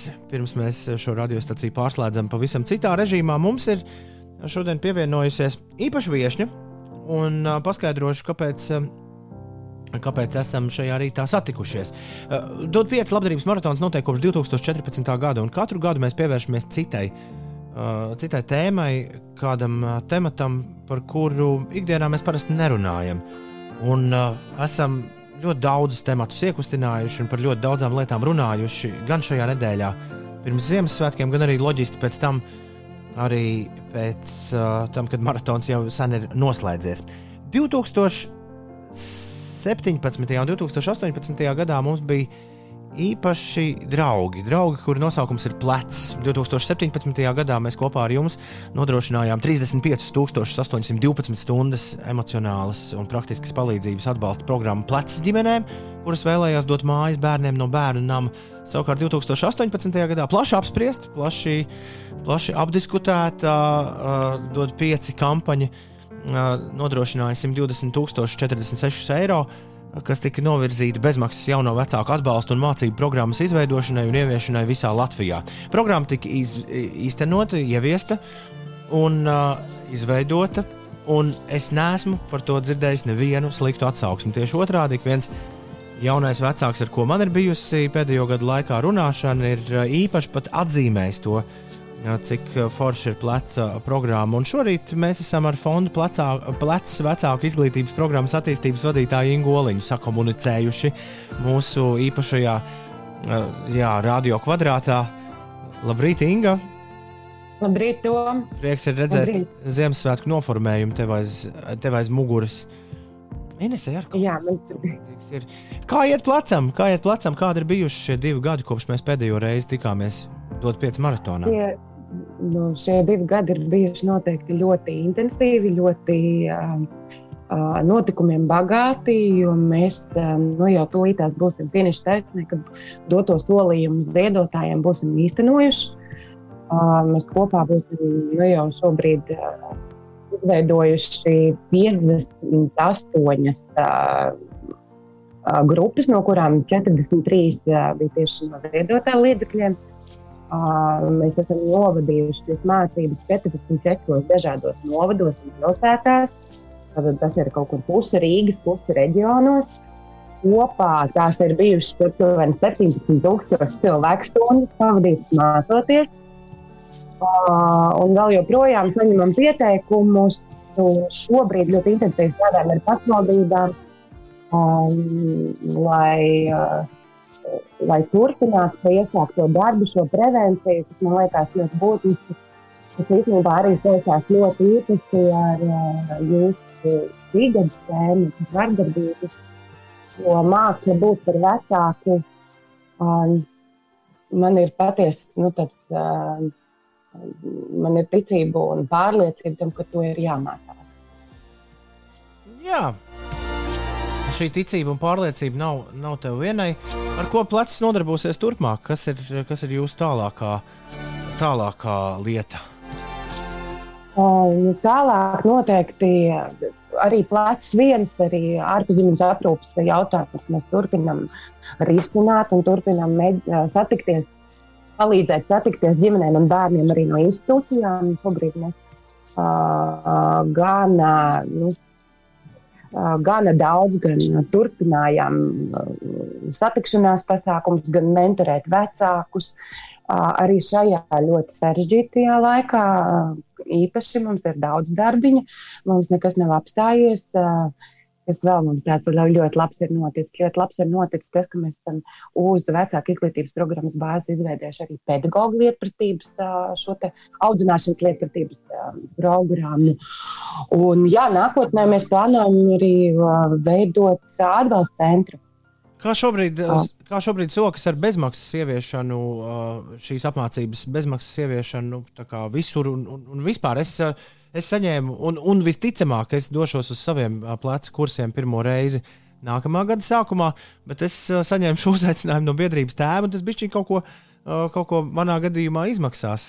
Kāda ir situācija tieši ar, ar šīs programmas izplatību šobrīd?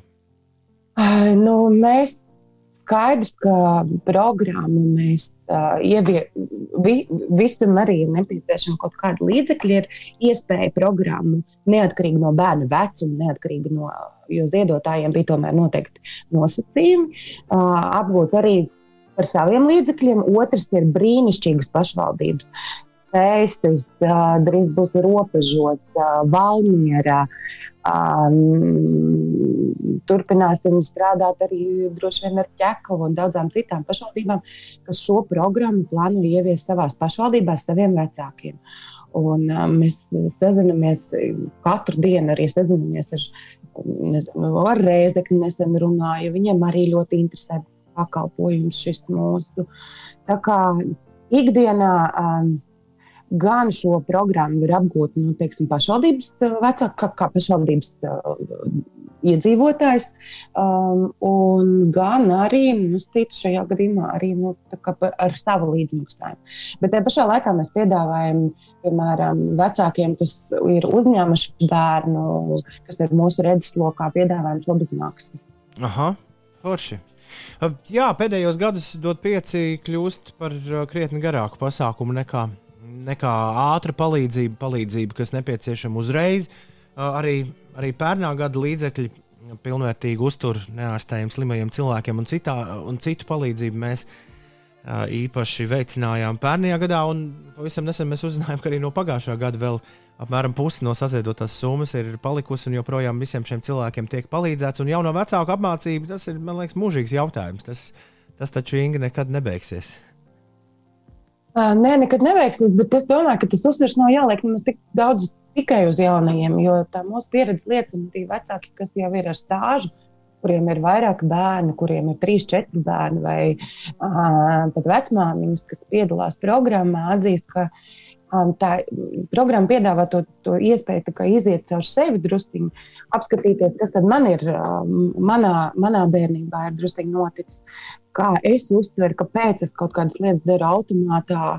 Uh, un uh, noteikti um, nu, tā kā liek tev caur, caur tādām gan zinātniskām, gan smadzeņu sapratni, gan saiknes veidošanas principiem. Nu, caur programmu uztrenēt sevi arī tad, kad tu jau esi vecāks ar stāžu un kuklu saprast. Mhm. Man liekas, tas ir būtiski. Super! Prieks šo visu dzirdēt, un prieks uh, dzirdēt un, un saprast, ka plecs stāsts turpinās. Visu informāciju par to, ko jūs darāt, var atrast plecs LV mājaslapā, vai ne? Plecā, tad mums ir uh, vecākiem plecs, plecs punkts vecākiem, mums ir centrs zina. Mēs uh, daudz ko noteikti ieiet mūsu gan Facebook lapā, gan, gan visu citu. Paldies plecam par uh, Vecāku izglītības Par programmu. vecāku izglītības programmu ieraudzīju savu bērnību un sapratu, kādu bērnību un attiecības var veidot es. Mums raksta viens no lielākajiem dot pieci faniem, Vetārds Kristaps. Sapratu, ko esmu nokavējis un ko vēl var paspēt, lai būtu labāks draugs un tētis saviem bērniem. Kolosāli man liels prieks to dzirdēt. Prieks ir saņemt šādas atsauksmes. Lielas paldies, Inga. Prieks ar tevi arī uh, sazināties. Mums tagad uh, cits liels darbiņš, kas, uh, kas jāveic. Bet uh, kas zina, varbūt kādu dienu dod pieci un fonda plecs. Ceļi atkal krustosies. Fonda plecs vecāku izglītības programmas attīstības vadītāja Inga Oliņa šorīt kopā ar mums Inga dod pieci. Dod pieci, jā. Man ir ciemiņš, arī reāls ciemiņš šeit studijā. Uh, Nu, eh, šajā. Izspūruši mati. Saka vēlreiz, es nebiju tev uzgriezis. Mazliet izspūruši mati tavam ciemiņam. Jā, man ir atvests ciemiņš, un uh, notika ķibele. Tā, es jau šorīt, es šorīt teicu, man notika kas zīmīgi tieši pēc, uh, pēc vecāku tematikas. Uh, es šorīt teicu, ka Ziemassvētku vecītis ne, šogad nedrīkst nekur būt klātienē. Uh, un, un es esmu to vecāku starpā, kuram viņš ir atsūtījis dāvanas jau laicīgi. Viņas ir no šeit nonākušas. Un kā jums šķiet, kuras viņas bija noslēptas? Kā garāžā tu jau visiem pateici? Jā, un, uh, un pirmais, ko izdarīja Edvīns Grēviņš, ierodoties šorīt garāžā, izvilka Ziemassvētku vecīšu gādāto Minecraft krīperi. Uh, Mīksto rotaļlietu. Es varu parādīt kolēģiem, kā tas izskatās. Parā, pa- parādīsim, kā, kāds tev ir. Šit, šo, šādu te tas bija daudz. tiešām krīpers. Tas bija ilgi. Pagaid, bet- dikti Bet, ja es gaidīts. tagad, ja es tagad spīdinu webkamerā to uh, gaismiņu no Men in Black un mēģinu izdzēst atmiņu par pēdējām desmit minūtēm, Tas, tas ne- iespējams varētu nostrādāt. Es visu laiku esmu teikusi, ka mums ir vajadzīga tā atmiņas izdzēšanas poga. Ai, jā. Ir uh, 8,42 minūtes. Man ir vēl viens darbiņš, tātad pienācis šodien klāt, ko es nebiju gaidījis it nemaz. Uh, bet, uh, uh, atceries, uh, ko mums sūtītu. Varbūt mana sistēmas miskasta var vietā. Varena doma, varena ir 8,43. Uh, Ines, kas notiek? Nu, ir mazliet samazinājies tas sastrēgums uh, uz A7 starp Piecevu un Čekavu. Bet aizvien cilvēki tur pavada diezgan ilgu laiku, gandrīz stundu. un Es vēlreiz uh, aicinu cilvēkus, tie, kas brauc uh, Rīgas virzienā no Iecavas, vai nu Dimzu kalnā vai Dzimtmisā, mēģināt izbraukt uz autoceļa, kas, uh, kas tālāk savienojas ar Baldonu un pēc tam vecumnieka Baldona ceļš, kas iziet ārā uz A7 pirms ķekavas apļa. Tā, tas ir viens no variantiem, kā šo vietu var apbraukt. Par vēl uh, situāciju citviet uz autoceļiem, vidzemē, Latgalē un arī valsts centrālajā daļā autoceļi, it īpaši reģionālie, var būt sniegot un apladojuši, jābrauc prātīgi. Par sastrēgumiem Rīgas ieplās izskatās, ka sastrēgumi gandrīz nav izņemot Jāņa Asari ielā tur posmā.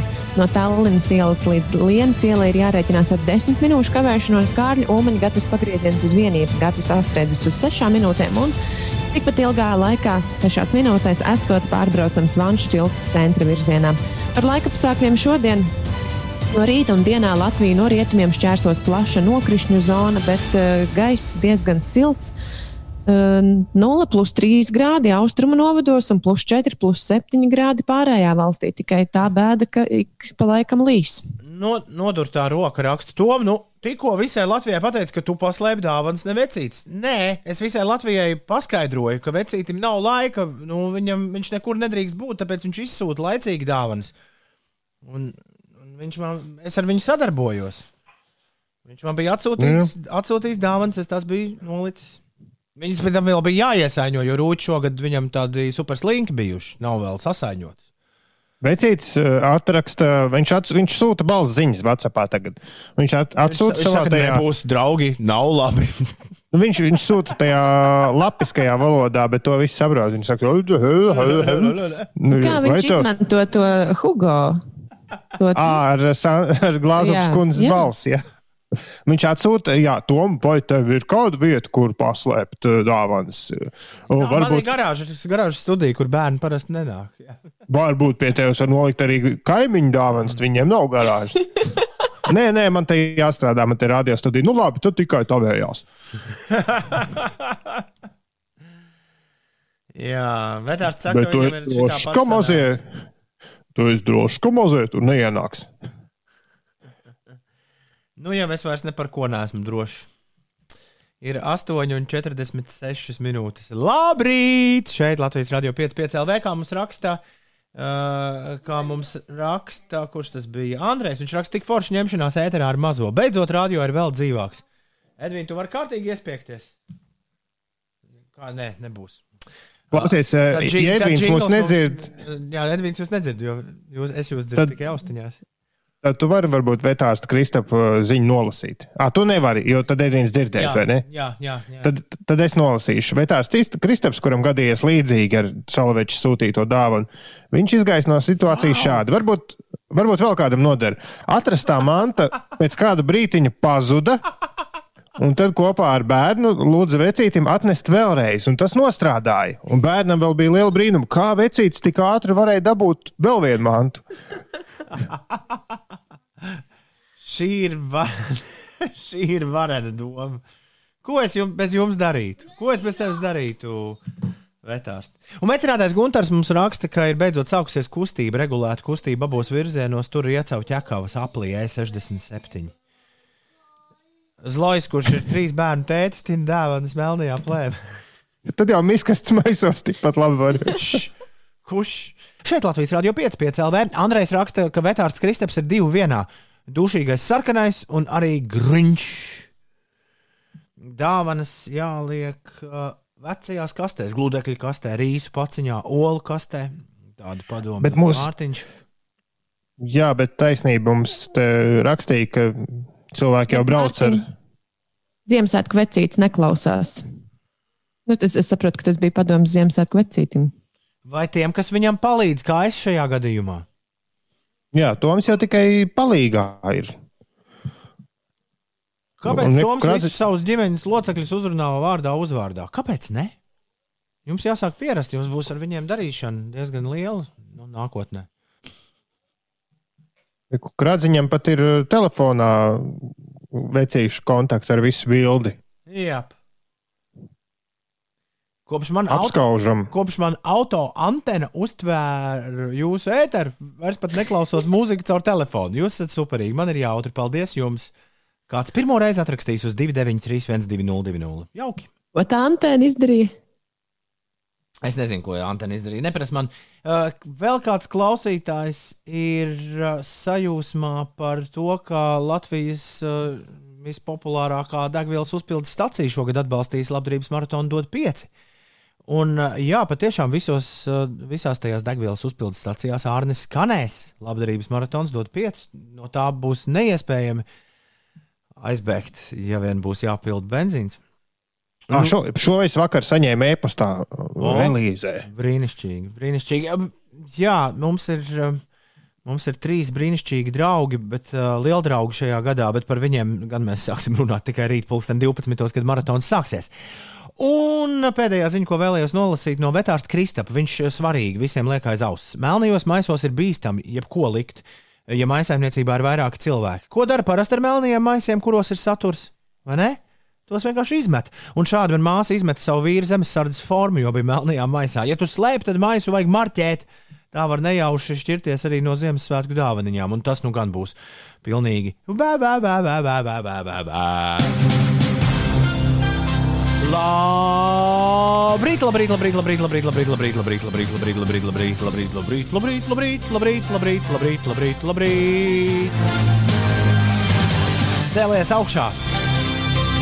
Lai viss fēnīgi. Un uh, interesantās ziņas ir klāt. Izrādās, ka reizēm, ja tu kaut ko ļoti, ļoti vēlies, atliek vien paprasīt, un tev taps dots. Tā kāds aktieris no Hempšīras apvienotajā karalistē, 55 gadus vecais doktors Fils Deivijs, pieteicis uh, savas tiesības uz Marsu. Kā saka pats ārsts, viņam esot pilnas tiesības uz 91 miljonu kilometru tālo planētu, jo viņš jau desmit gadus strādājot, lai to apgūtu. Izrādās, ka apvienoto nāciju organizācijas noteikumi paredz, ka var pieteikt īpašumtiesības uz kādas planētas daļu, ja tu esi eh, padarījis to derīgu ilgspējīgai lietošanai. Un doktors patiešām to esot izdarījis. Viņš pirms desmit gadiem savā dārzā uzstādīja spēcīgu lāzeru, ko spīdina Marsa virzienā. Lai ar to uz šīs, atgādinām, 91 miljonu kilometru tālās planētas atbrīvotu oglekļa dioksīdu un radītu atmosfēru. Nevienam no mums nav pietiekama ķīmiķa izglītība, lai saprastu, cik pamatotas ir viņa darbības, bet, lai no šī kaut ko mācītos, drosmīgiem pieder pasauli. Un, ja Hemšīras dakteris nedabūs kāroto Marsu, tad vismaz nelielu pasaules slavu uz šīs planētas gan. Tikmēr eh, Britu princis Harijs un Mēgana Saseksas hercogiene, kas pagājuši malā no karaliskās dzīves un pārvākušies dzīvot uz bijušo Britu koloniju Amerikā, Ameriku, jā, sekojuši Nu, jā, pēdām. viņi, nu, Jā. tā sanāk, vai ne? Sekojuši pa pēdām Obama pārim pēc tam, kad noslēgts līgums ar Netflix par filmu un TV šovu producēšanas tiesībām. Tagad Harijs un Megana noslēguši vairāku gadu līgumu ar straumēšanas servisu Spotify, kas nopietni nolēma kļūt par vadošo spēlētāju strauji augošajā podkāstu pasaulē. Pirmais Harija un Meganas podkāsts uh, pagaidām nav zināms, vai viņi veidos to kopā vai pa vienam. Iznāks jau nākamgad, un ar karaliskā pāra slavu Spotify cer konvertēt vēl vairāk lietotājus par podkāstu klausītājiem. Jau tagad 70 miljoni no 320 miljoniem servisu lietotāju regulāri klausās podkāstus, un ārpus ASV Spotify šobrīd ir populārākā podkāstu platforma. Un kā rāda pirmā Obama pāra podkāsta, The Michelle Obama podkāstu panākumi, Tas ir tikai sākums. Žēl, protams, ka viņiem nav izdevies dabūt pie mikrofona pašu Anglijas karalieni. Mēs ar Ulu to labprāt paklausītos. Bet Yes. uh, Harija un Megana, po, Meganas podkāsts noteikti ir The Next Big Thing. Tādas lūk, interesantas ziņas uh, šajā rītā, bet nu gan draugi. Es neteikšu, ka nav labi. Man liekas, ka viss ir labi. Un uh, kļūs aizvien labāk, jo man, Uldim Inesei, visiem, kas strādā šajā radiostacijā, visiem, kas ir iesaistīti uh, labdarības maratonā, dot pieci šajā projektā, būs iespēja kaut nedaudz. Tas, tas varbūt nebūs ļoti, ļoti daudz, un varbūt joprojām būs tūkstošiem cilvēku, kas par to neko neuzzinās, ko mēs darīsim nākamās, nākamās nedēļas laikā. Bet ir skaidrs, ka kaut ko, kaut nedaudz mēs padarīsim gaišāku un labāku. Un tāpēc vien ir vērts beigt sūkstēties par ierobežojumiem, beigt sūkstēties par sāpošiem kauliem vai vēl kaut ko un, dāvanām atrastām. Ir laiks doties stikla studijas virzienā, un ir laiks labdarības maratonam dot pieci. Es būšu gaisā nākamreiz tik rīt, pulksten 12. kad mēs atklājam labdarības maratonu dot pieci. To varēs redzēt arī Latvijas televīzijas pirmajā programmā. Un es jums vēlu varenu rītu, rīt no rīta ar Artu Volfines un Uldī. Es no noteikti klausīšos. Noteikti klausīšos savā virtuvē, dzerot pēdējo tējas krūzu mājās. Labi, sarunāts. Jūs man neko neteiksiet tagad. Kā mēs taču satiksimies vēl? Nu, jā, tā sajūta nav tāda, ka tu dodies prom, bet patiesībā jā, pieciem rītiem šogad tādā uh, šajā attālinātajā režīmā ir cauri. Cauri ir. Nākamais būs 4. janvāris, vai ne? 6. no rīta mēs būsim atkal visi kopā. Nu, tādā ierastajā versijā. Tas ir tālu. Bet jā, jā, Tā jā. tik Nu, šķiet. nu, Tā tik šķiet. Un tad viens un divi un klāt būs. Paldies visiem par klausīšanos visu šī gada garumā. Turpinām, vai ne?